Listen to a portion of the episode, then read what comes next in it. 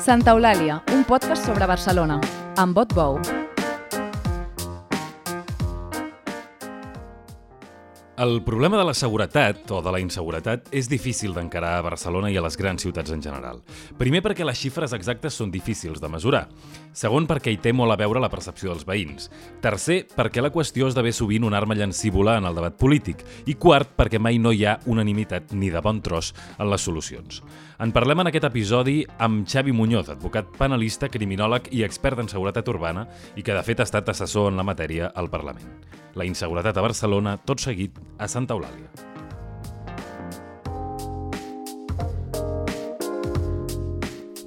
Xavi Muñoz, benvingut a Santa Eulàlia. Gràcies. Un plaer tenir-te aquí. Avui volem parlar d'inseguretat perquè, segons l'enquesta dels serveis municipals d'enguany, la inseguretat és la qüestió que més preocupa els barcelonins. Hi ha un 22,7% que diuen que és el, la que més els preocupa per davant de la neteja i de l'accés a l'habitatge. I ara entrarem a fons sobre què és seguretat, eh, què és inseguretat segons el relat general i sobre el pes que hi té la percepció dels veïns. Però, abans d'entrar-hi, això en termes històrics d'estadística de la ciutat de Barcelona, eh, són xifres altes, són a la mitjana o en quin punt ens trobem? Aviam, tu feies l'exposició inicial plantejant aquesta dicotomia, no? De què és que hi hagi inseguretat o què és que hi hagi percepció d'inseguretat. Aleshores, efectivament, estem en un moment de pic de percepció d'inseguretat. Estem en un moment també de relativa inseguretat? Sí. Les dades diuen que hi ha un índex de criminalitat que es mesura no amb... No, no, diguem que no són índexs científics, sinó que són coneixem les denúncies que es presenten o les notitia criminis que es diu no? en el llenguatge jurídic, que és els fets que coneix els Mossos d'Esquadra o la Guàrdia Urbana de delictes que es produeixen, que evidentment no són tots, eh, i amb aquestes dades estem en moments més elevats que en altres ocasions eh, de, de taxa de criminalitat. Per tant, és una cosa correlativa, no? És a dir, sí que estem en un moment en què la gent diu que se sent més insegura, però mm, les dades sembla que ho indiquen, que indiquen que, que no és una cosa que caigui del cel, sinó que hi ha hi ha, hi ha raons per pensar-ho. Diguem que totes dues estan en un, en un, a la part alta de la taula, per dir-ho d'alguna manera, però des del meu punt de vista estem en un moment de molta més percepció d'inseguretat que no de criminalitat efectiva. A veure, hem de, situem una mica els dos conceptes, mm -hmm. d'acord? Respecte a la criminalitat, el 2019 va ser un any d'un alça bastant important. A partir de la pandèmia les dades cauen en picat i ara sembla que hi ha un repunt en el que estem a prop de que tornem a estar en una situació com aquella. El 2019 era un moment extremadament preocupant d'inseguretat a la ciutat de Barcelona? No, però sí que és cert que teníem una taxa de criminalitat relativament elevada. Respecte a la inseguretat, en els últims temps hem tingut una sensació d'inseguretat molt elevada, probablement molt condicionada perquè hi havia un govern d'esquerres i hi havia eh, una situació mediàtica molt procliu a parlar d'inseguretat. Perquè mantenguis en aquesta dicotomia que tu plantejaves al principi, que és el mm -hmm. que vull dir, avui, a dia d'avui continua sent un problema la inseguretat perquè encara vivim la ressaca d'allò que va ser. Però ja no se'n parla, ja no tenim portades ni programes Antena 3 a Telecinco... Eh, és una cosa cíclica, no? Diguem és una cosa cíclica... Fluctua molt en funció de les eleccions, en funció del moment polític, en funció... Efectivament, i permet-me també introduir en funció de qui governa i quines són el, el taló d'Aquiles dels temes de qui governa, no? Perquè no podem obviar que clàssicament el tema de la inseguretat és una arma llancívola contra els governs d'esquerres. No? Aleshores, on volia arribar per parlar de la, de la dada concreta és a que ara vivim un moment en el que ja no es parla d'inseguretat, però vivim un repunt de la criminalitat amb un 15% a la ciutat de Barcelona respecte al període anterior. Un 7 a Espanya, un 15 a Barcelona. És un augment força important i no hi ha portades. Per tant, segurament el que veurem és que la sensació d'inseguretat disminuirà en els propers temps i la criminalitat probablement augmentarà. Clar, això eh, hi té un paper molt important, això que deies del, del relat mediàtic que es fa al voltant, no? Eh, al voltant del tema de la seguretat. Tu qui, què diries... O sigui, detectes mm, patrons en, el, en la manera com els mitjans cobreixen la inseguretat, més enllà d'aquesta cosa cíclica eh, d'acompanyar els moments polítics? Hi ha, un, hi ha un tipus de relat freqüent? A veure, el tema és multifactorial i complex, eh? O sigui, si, fins i tot et plantejaré un exemple que és llunyà però que ajuda una mica a entendre la qüestió. Val? El periodisme de successos, com, qual, com altres tipus de periodisme esportiu, etc etc, té les seves arrels, no tot és el mateix ni ve del mateix lloc. No? A Espanya, es, els estudiosos de la matèria diuen que el periodisme de successos sorgeix del que es diuen els, los pliegues de Cordel o los romances de Ciego, que eren relats que es produïen sobre successos que podien haver succeït o que s'exageraven o fins i tot no havien succeït i es venien a les places del mercat, la gent comprava aquestes teles en els que reproduïen aquests crims, horroroso asesinato en las cuevas de Vinromán, ¿vale? Se dice que un senyor asesinó a su mujer, la quemó en el horno, no sé què. No sabem si això era d'això la meitat, no? Però la gent ho comprava, se n'anava a casa i ho explicava al dinar de Nadal. I hi havia aquesta cosa morbosa de que efectivament, tenies la sensació que coneixies les zones fosques de la ciutat. Exactament. Sense ser excessivament crític amb els periodistes de successos d'avui en dia, insisteixo, no podem obviar que l'origen de la ciència, de la professió, ve d'aquí. Per tant, aquesta, aquest sensacionalisme essencial continua estant. Val? Aquest és un ingredient. I un altre, com deia, jo crec que és fonamental, que és que des del 2015 a la ciutat de Barcelona, concretant i ubicant-nos de nou a la ciutat, doncs en el moment en el que hi ha hagut governs d'esquerres s'ha atacat amb el tema de la inseguretat eh, furibundament. Sobre el tema de la percepció, que és la, la, la, gran, la gran qüestió que acompanya molt sovint els debats de, de, sobre la inseguretat, perquè és molt difícil de mesurar, no? Uh, hi ha alguna... Podem trobar alguna manera... Hi ha algun mecanisme per, per estar segurs de, o, o per clarificar què és la inseguretat, en què consisteix? Per exemple, aquesta enquesta de serveis municipals que jo uh, et posava al principi, quina, quina mena de, de delictes investiga? Quina mena de preguntes fa? Quina mena de... Es basa excessivament en la percepció del, dels veïns o, o fa, creua dades amb, amb, amb els delictes denunciats? Sí. Hi ha diferents eh, formes de, de d'entendre aquest fenomen, no? A través de les enquestes de victimologia, que és el que denuncien les persones i el que eh, després sotmesos a enquestes diuen que han viscut independentment de si han denunciat, afegit els delictes que detecten els Mossos d'Esquadra. Això seria d'alguna manera la criminalitat, val? aquest 13% que dèiem que havia augmentat a la ciutat de Barcelona l'últim any. I després ja la pregunta directa de la percepció d'inseguretat. Quin és el seu principal problema? La inseguretat, la neteja, etc. Mm -hmm. Doncs ara em sento més insegur que abans, independentment de que jo hagi viscut un delicte o no l'hagi viscut. Val? El problema de tot això és que no hi ha una ciència que ens permeti detectar quins delictes s'han produït. Per què? Per diferents factors. En primer lloc, perquè el Codi Penal estableix una bateria de delictes que arriben gairebé als 200. D'aquests, a les enquestes només se'n contemplen uns pocs, que són majoritàriament els delictes que són contra el patrimoni, val? Els, els furs, els, furs, els, els robatoris, etc etc perquè es considera que causen certa alarma social.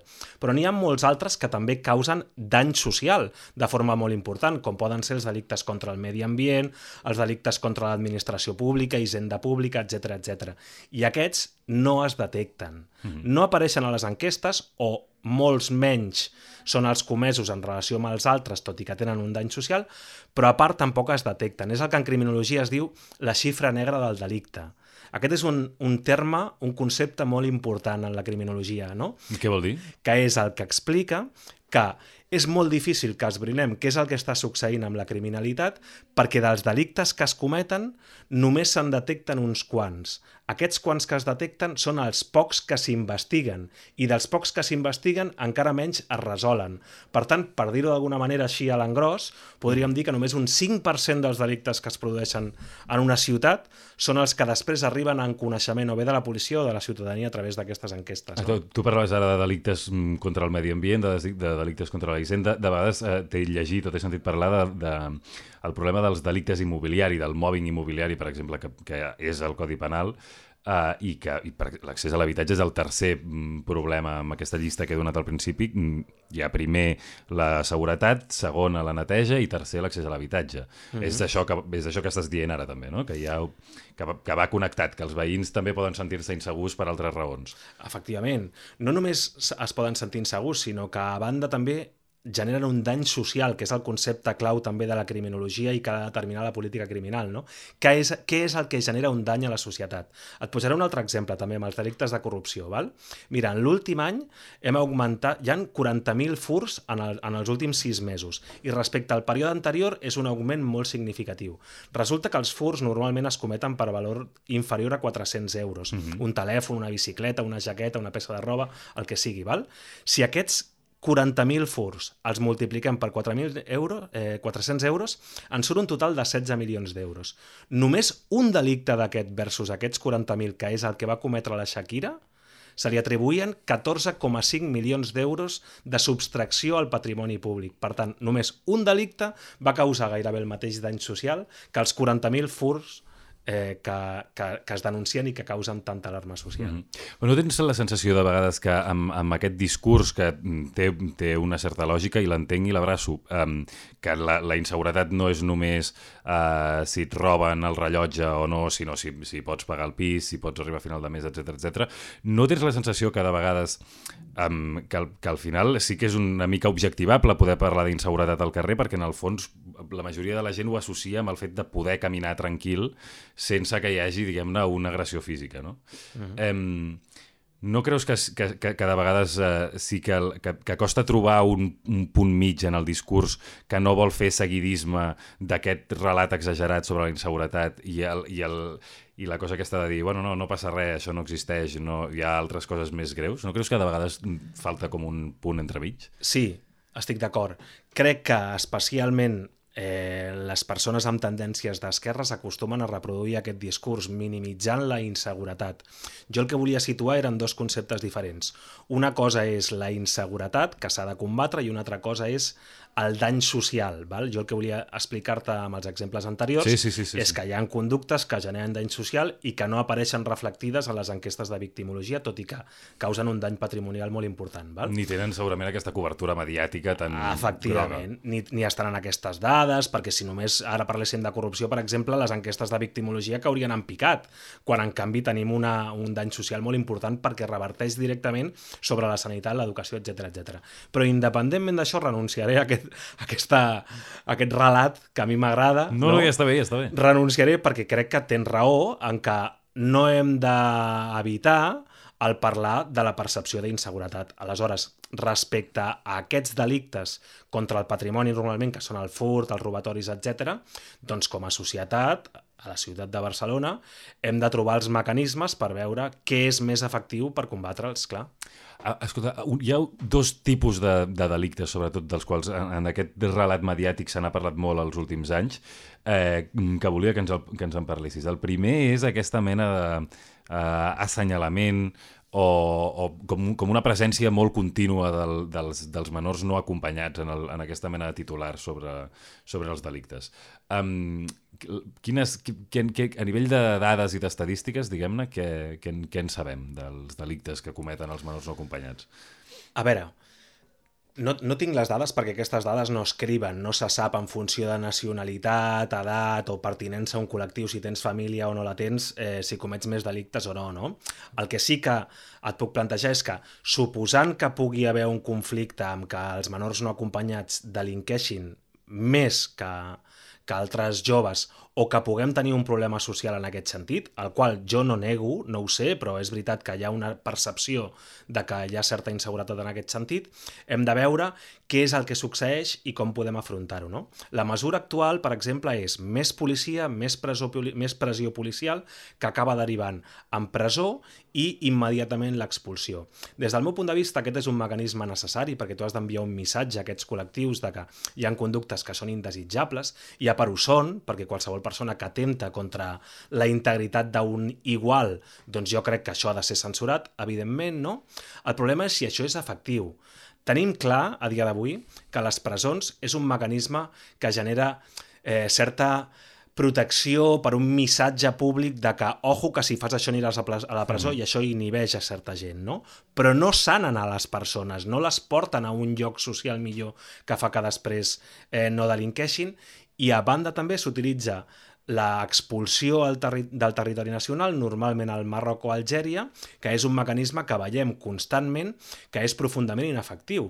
Una persona que amb 16, 18 anys ha fet aquest trajecte que acaba sent 14 quilòmetres que divideixen els dos continents i ha entrat irregularment i està aquí irregularment, motiu segurament pel qual acaba delinquint, no li costa res tornar-ho a fer per molt que tu l'hagis expulsat. Per tant, l'any que ve tornen a estar a Espanya. Aleshores, és un mecanisme que ja d'origen, per definició, jo crec que és inefectiu.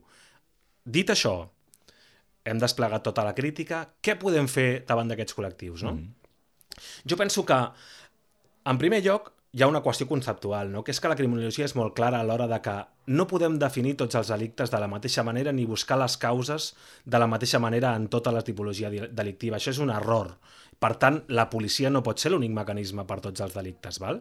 En el cas dels menors no acompanyats, i en el cas dels delictes patrimonials que s'utilitza la violència i que normalment són en grups, els estudis expliquen que sovint té a veure amb una sensació de pertinença a un grup en el que es promouen els valors delictius.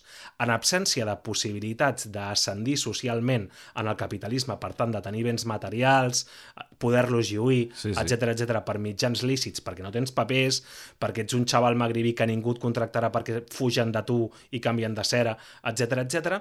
l'única manera de vestir un Nike o portar una cadena d'or és robant-la una altra. Mm -hmm. Que la cadena de progressió social, diguem-ne, per certs col·lectius està trencada i llavors... Efectivament. La manera Aquest... segurament té més a veure amb solucionar el trencament d'aquesta cadena que no pas amb, amb, amb reprimir i prou. D'acord, però no corris tant. No corro tant, aquest, digues. aquest és un ingredient. Matisa, matisa, endavant. aquest és un ingredient.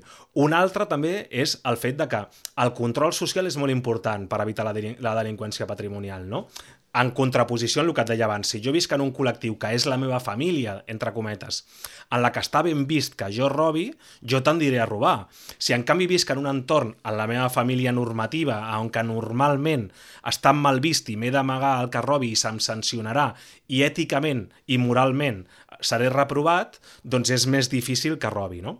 En aquest cas, o que delinqueixi en termes generals, en aquest cas ens trobem que són joves que no poden progressar econòmicament i que a part són absolutament mancats d'aquest context eh, de recolzament, d'acompanyament, de, de transmissió de valors que permet que hi hagin altres formes d'entendre el món, no? afegit a que són joves, adolescents, i es relacionen més que altres col·lectius a través de la violència o de, o de mecanismes d'aquesta mena, no? que malauradament són presents en aquest tipus de... Per tant, és un tema de barreja social, també, és a dir, no només de la, de la família, la família és un cas mm, evident perquè és, perquè és bàsic en l'estructura social, però no és només la família, són els amics, és l'educació pública, etc etc. No? Efectivament, són els canals, si vols, per dir-ho d'alguna manera, d'inserció que fan que aquestes persones puguin estar acompanyades i trobar altres itineraris vitals que siguin alternatius als de la delinqüència. Hi ha un exemple molt paradigmàtic que, i molt enriquidor a Barcelona a principis del segle XX, del segle XXI, perdó, 2001, 2002, 2003,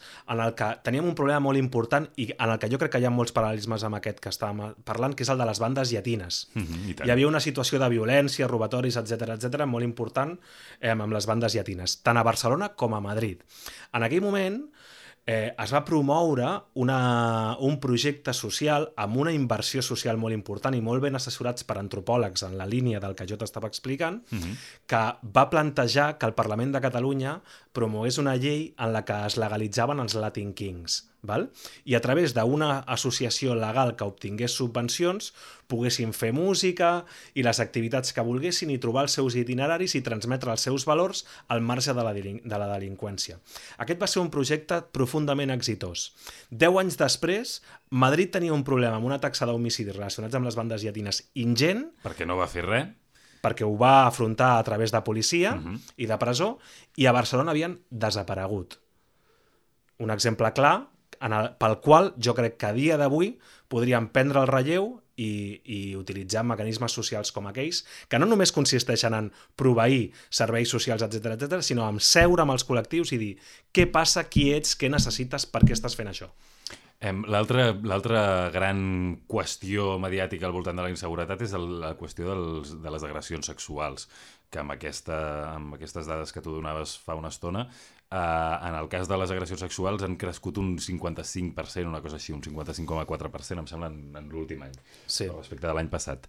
Mm. Um, clar, això suposo que no, que, que com passa molt sovint amb el, amb el registre de delictes, no només té a veure amb que no necessàriament se'n produeixin més, sinó que hi ha hagut se'n denuncien més, no? Hi ha, hi ha menys por a denunciar, hi ha menys traves a denunciar i llavors i la gent fa més l'esforç i per tant això també mm, distorsiona la lectura de les dades. Sí, 100% d'acord.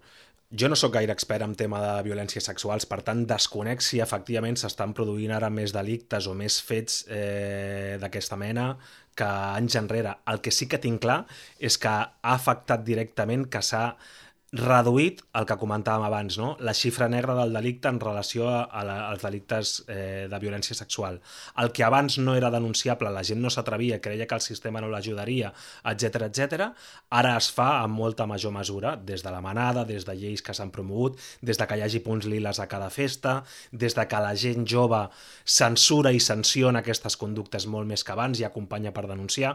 Això fa que surtin a la llum aquest tipus de delictes que, com, es, com diuen eh, moltes expertes en aquests casos es produeixen sovint entre amics, entre familiars, etc etc i, en, i en aquestes esferes més íntimes en les que eh, per raó d'aquesta proximitat doncs la denúncia era un mecanisme que abans segurament s'utilitzava molt menys que actualment. No? Mm -hmm. Hi ha un paral·lelisme també, per exemple, i permet-me'l, encara que no vull pecar de, de frívol en absolut, eh? Endavant. però hi ha un, per mi hi ha un paral·lelisme que és amb la corrupció, per exemple. Fins al 2010 creiem que Catalunya i Espanya vivíem en un país absolutament lliure de corrupció. Era l'oasi català, no? I en un moment en el cas destapa el cas Palau i comencen a sortir tots els casos de corrupció, un, el sistema s'engreixa i, per tant, hi ha fiscalies especialitzades, els operadors jurídics saben com investigar, com acompanyar les víctimes, o en aquest cas de la corrupció, els denunciants... Uh -huh. eh, Eh, D'un tema vas a un altre tema i hi ha com un efecte dominó, no? D'un cas vas a un altre cas, vas a un altre Exactament. denúncia... Vas a... D'una banda, el sistema investiga molt millor i fa que florin, per tant, i, i siguin investigacions d'èxit, i de l'altra banda, la societat pren consciència i denuncia molt més. Avui en dia sabem que Catalunya i Espanya era un país, permetem-ho dir-ho, profundament corrupte però no se sabia. Avui tenim molts més mecanismes per detectar això. És possible que en el cas de la violència sexual estigui succeint alguna similar. Escolta, i sobre un altre actor principal, diguem-ne, en la lluita contra la inseguretat, que en el cas de Barcelona és la Guàrdia Urbana. Uh, et, sembla que, et sembla que és eficient, a tu com a expert? Et sembla que, que té prou mecanismes de fiscalització? Et sembla que avui en dia està funcionant bé? La Guàrdia Urbana? Sí. Eh, no, profundament no. Però per què? perquè la Guàrdia Urbana no, la Guàrdia Urbana no té l'escomesa de, la, de combatre la seguretat ciutadana. Jo, des del meu punt de vista, erròniament se la posa en aquest embolic, perquè possiblement no hi hagin suficients unitats de Mossos d'Esquadra o se'n requereixin més perquè hi hagin policies per a cada cantonada que puguin, per dir d'alguna manera, a cada cantonada, que puguin eh, estar a l'abast del ciutadà i tenir l'alerta d'aquest delicte. No? Però el que fa la Guàrdia Urbana quan hi ha una investigació mínimament complexa és derivar-ho directament als Mossos d'Esquadra, portar el detingut i que s'encarreguin de la investigació. Per tenir un problema de coordinació, diries? No, no és que hi hagi un problema de coordinació, és que hi ha un problema de superposició de, superposició de competències. S'intenta atribuir a l'alcaldia i a la Guàrdia Urbana la seguretat ciutadana, quan la Guàrdia Urbana pot tenir policies que detinguin a delinqüents, però no podrà investigar-los perquè realment aquests delinqüents acabin condemnats. Mhm. -huh. ni evitar aquests delictes, perquè no té els mitjans, el coneixement i tot el que requereix per evitar la criminalitat en una ciutat com aquesta. Això no és un poble o, o, un, o una, una col·lectivitat en la que es produeixen delictes mínims que només es resolen en conflictes entre particulars. Aquí hi ha organitzacions criminals, hi ha tràfics de drogues complexos, hi ha estafes, hi ha corrupcions, i això requereix d'investigació, de coneixement específic i de mitjans que això ho té els Mossos d'Esquadra i no la Guàrdia Urbana. Um, um, dius això, que no es pot, cada vegada es, es responsabilitza o s'assenyala massa o es focalitza massa en l'Ajuntament i en l'alcaldia, uh, però sí que és veritat que els últims anys a l'Ajuntament de Barcelona, per exemple, hi ha hagut una figura políticament molt rellevant que, que ell tampoc ha fet, diguem-ne, eh, no ha tingut reserves a l'hora de parlar d'inseguretat i a l'hora de, fer, de, de convertir-se com en un abanderat de la lluita contra la, contra la inseguretat, que era el, el, el tinent de seguretat de l'Ajuntament, Albert Batlle. Tu quina, quina valoració fas del seu mandat, de la seva obra de govern? Bueno, eh, jo crec que Albert Batlle arriba en un moment molt peculiar, no? que és eh, en un primer mandat del govern dels comuns al 2015 hi ha una pressió molt important per part dels cossos policials, queixes com, eh, i conflictes permanents, eh, conflicte amb els manters, certa sensació de caos, eh, no de criminalitat, sinó de caos, que acaba derivant en que el comissionat que hi havia en aquell moment, que era un expert reconegut internacionalment com és Amadeu Requesens, sigui substituït per Albert Batlle, que era una persona que també té els seus coneixements des d'un altre sector ideològic, si vols, o des d'un altre corrent de pensament, o des d'un altre enfoc, no? com és Albert Batlle, que va ser un, tot un director de policia i un director de, de serveis penitenciaris. No? Des del meu punt de vista, el paper d'Albert Batlle és un paper d'una persona doncs, conservadora que pretén mantenir l'estatu quo i la seguretat a través de les intervencions de més policia i poc soroll. Jo crec que són receptes velles, poc efectives, que mantenen un, un ordre establert, però que no ens portaran a cap horitzó eh, que modifiqui substancialment la situació. Sobre això de més policia, per exemple, això de més agents, eh, tam que també ho demanava Xavier Trias durant la campanya, l'argument que, que clàssicament fan servir els defensors que hi ha d'haver més agents de policia a la ciutat de Barcelona eh, patrullant pels carrers és que, eh, bé, és veritat, més policia vol dir que la gent se sent menys eh, insegura, possiblement, perquè eh, doncs, si tens la sensació que cada dos per tres veus un cotxe de la Guàrdia Urbana, potser penses que estàs més protegit, eh, però que efectivament també té un efecte dissuas dissuasori mm, pels possibles eh, delinqüents de, de delictes com els furs i com eh, eh, els robatoris amb violència. No? És a dir, que sí que pot tenir un... Que, que, tal com pels veïns els pot ajudar a sentir-se més segurs, en els, en els delinqüents els pot ajudar, com els pot dissuadir, els pot mm. rebaixar les ganes de delinquir. La lògica diria que sí. La ciència sembla no corroborar-ho si, si més policia portés menys delinqüència, per què estem en un moment 2019 i ara en el que la delinqüència repunta a Espanya i a Catalunya i a Barcelona tenim una taxa de policia per habitant elevadíssima. És més, posaré un, un paral·lelisme. La meca de, de la societat amb més policia per habitant, que és als Estats Units, és un lloc amb una inseguretat i una delinqüència brutal. Per tant, sembla que el binomi més policia, més seguretat no funciona. A Barcelona tenim una mitja de 300, una taxa, perdó, de 330 agents per 100.000 habitants. És el país número 12 a la Unió Europea i la Unió Europea és, junt amb els Estats Units, el lloc del món amb més policies hi ha per habitant. La Unió Europea recomana una taxa de 180 per 100.000. És, és lo raonable. Nosaltres gairebé la doblem entre Mossos i Guàrdia Urbana. En calen més no ho sé, jo crec que calen altres mesures, segurament. Mm -hmm. um, I per continuar parlant d'Albert Batlle i, de, i, de, i dels socialistes que ara governen en solitari, um, perquè Collboni, diguem-ne, suposo que també per diferenciar-se dels, dels, dels comuns discursivament, és a dir, per defugir uh, aquesta desconfiança que al principi podien tenir um, els comerciants o alguns lobbies econòmics sobre el fet que els comuns s'encarreguessin de l'àrea de seguretat, uh, ha, ha desplegat aquesta campanya publicitària del, del Pla Andressa, eh, que en veiem tot de, tot de domassos penjats per, pels fanals de la ciutat. En què està consistint el Pla Andressa? Bueno, el Pla Andressa és, eh, és la vella recepta eternament recuperada, no? El Pla Andressa el que representa, eh, o sigui, és la continuació d'una tesi molt antiga de la criminologia, que és la teoria de les finestres trencades, que és una tesi molt simple dels anys 80 als Estats Units, per la qual es considera que en societats en les que hi ha tendència a la degradació, com podria ser algunes capitals eh, estatunidenques en aquella època, després mm. de la desindustrialització que es va produir, eh, i que podria ser, per exemple, un paral·lelisme amb el Raval, si vols, no? en el que els llaços socials es van perdent, el turisme entra, l'especulació, etc etc. si tu trenques una finestra i no la repares immediatament, a la setmana següent tota la resta de finestres estaran trencades.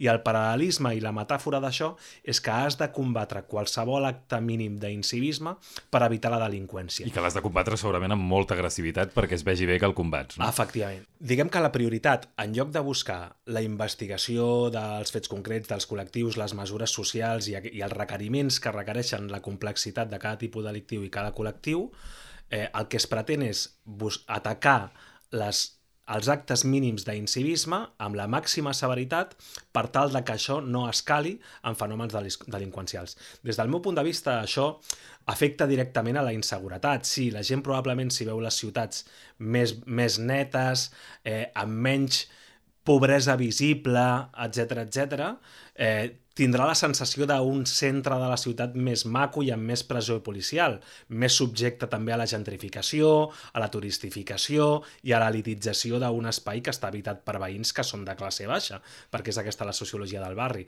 I el que consisteix és en intentar-los expulsar d'alguna manera per posar-ho estètic i que no succeeixin aquests fets. Ara bé, el problema d'això és que això no dona resposta a una necessitat legítima de que disminueixi la criminalitat. No té cap sentit pensar que borrant pintades i netejant els carrers acabaràs amb els narcopisos, perquè estàs combatent coses que no tenen res a veure. I a banda que tu mateix deies això de que la, que la barreja és molt important, per exemple, en el cas dels menors no acompanyats i de que, diguem-ne, el, els delinqüents que ho fan per raons de vulnerabilitat eh, econòmica eh, tinguin mm, capacitat de millorar la seva, la seva situació, eh, si la solució és, mm, eh, diguem-ne, expulsar del centre, com tu dius, i marginar, probablement encara estàs, eh, diguem-ne, desafavorint encara més la, que, que aquesta gent trobi la, la resposta en la seva progressió social. No? Totalment, o sigui, eh, aquest tipus de mesures el que pretenen és que espais determinats quedin es redueixi la delinqüència en aquells espais, però d'alguna manera es traslladen a altres perifèries. O sigui, és evident que la gent que es dedica a robar turistes al centre de Barcelona, si rep pressió policial al centre de Barcelona, s'anirà als espais d'oci nocturn del Fòrum o de la Vila Olímpica, però no, no desapareixeran del mapa, perquè això no ha succeït ni tan sols en llocs d'Estats Units on s'ha practicat fins a l'extrem aquestes tesis de tolerància zero. Mm -hmm. val? El pla Andressa, tornant al fet d'abans, fa una barreja entre la neteja, la seguretat i la delinqüència. Val? És com una operació estètica, diguem-ne, sobretot. No? Un dels principals problemes del Pla Andressa és que va directament a la repressió de les conductes que generen certa sensació d'inseguretat a través de l'incivisme. Val? Però el cert és que a través de la repressió és evident que no trobem solució a aquests problemes. Per exemple, les dades diuen que les multes per incivisme es paguen aproximadament un 30% d'aquestes, únicament. Un 70% queden impagades. Mm -hmm. El pla endreça... Perdó, multes per incivisme estem eh, parlant, per exemple, de beure alcohol en una plaça de nit o estem parlant de coses d'aquestes? No? Efectivament, de, de... fer soroll, coses d'aquestes que són eh, les que ataca l'ordre. I d'aquestes la... només se'n paguen només se n'acaben pagant Només s'acaben cobrant un 30% d'aquestes. És una xifra baixíssima. Són multes molt quantioses. I la segona, frase, la segona fase del Pla Andressa el que proposa és augmentar aquestes multes com si una, la por d'una major sanció portés a la inhibició de que es cometessin aquestes conductes. Primer, per un criteri de proporcionalitat, tenim molts dubtes de que això fos legal i no inconstitucional d'aquí uns anys. Mm -hmm. Però a banda, és que una mesura que des del meu punt de vista és simplement estètica i propagandística no té cap sentit, perquè si no es paguen les multes, per què les vols multiplicar? En lloc d'això, el que hauríem de fer és plantejar mesures socials respecte a aquestes persones. Si tu ets incívic, et farem que siguis incívic i que col·laboris i que d'alguna manera vegis quin és el problema que tu estàs causant a un barri perquè no ho tornis a fer. Mesures alternatives com aquestes també són punitives, si vols, per tant podrien ser encaixables per al govern actual, però no es promouen, no es fomenten perquè cost, tenen un cost. Mm -hmm. I perquè segurament no venen tant Efectivament. Però és això que dius, que no tots els delictes es poden es pot, s'hi pot respondre institucionalment amb, les mateixa, amb la mateixa mena de polítiques, no? Efectivament.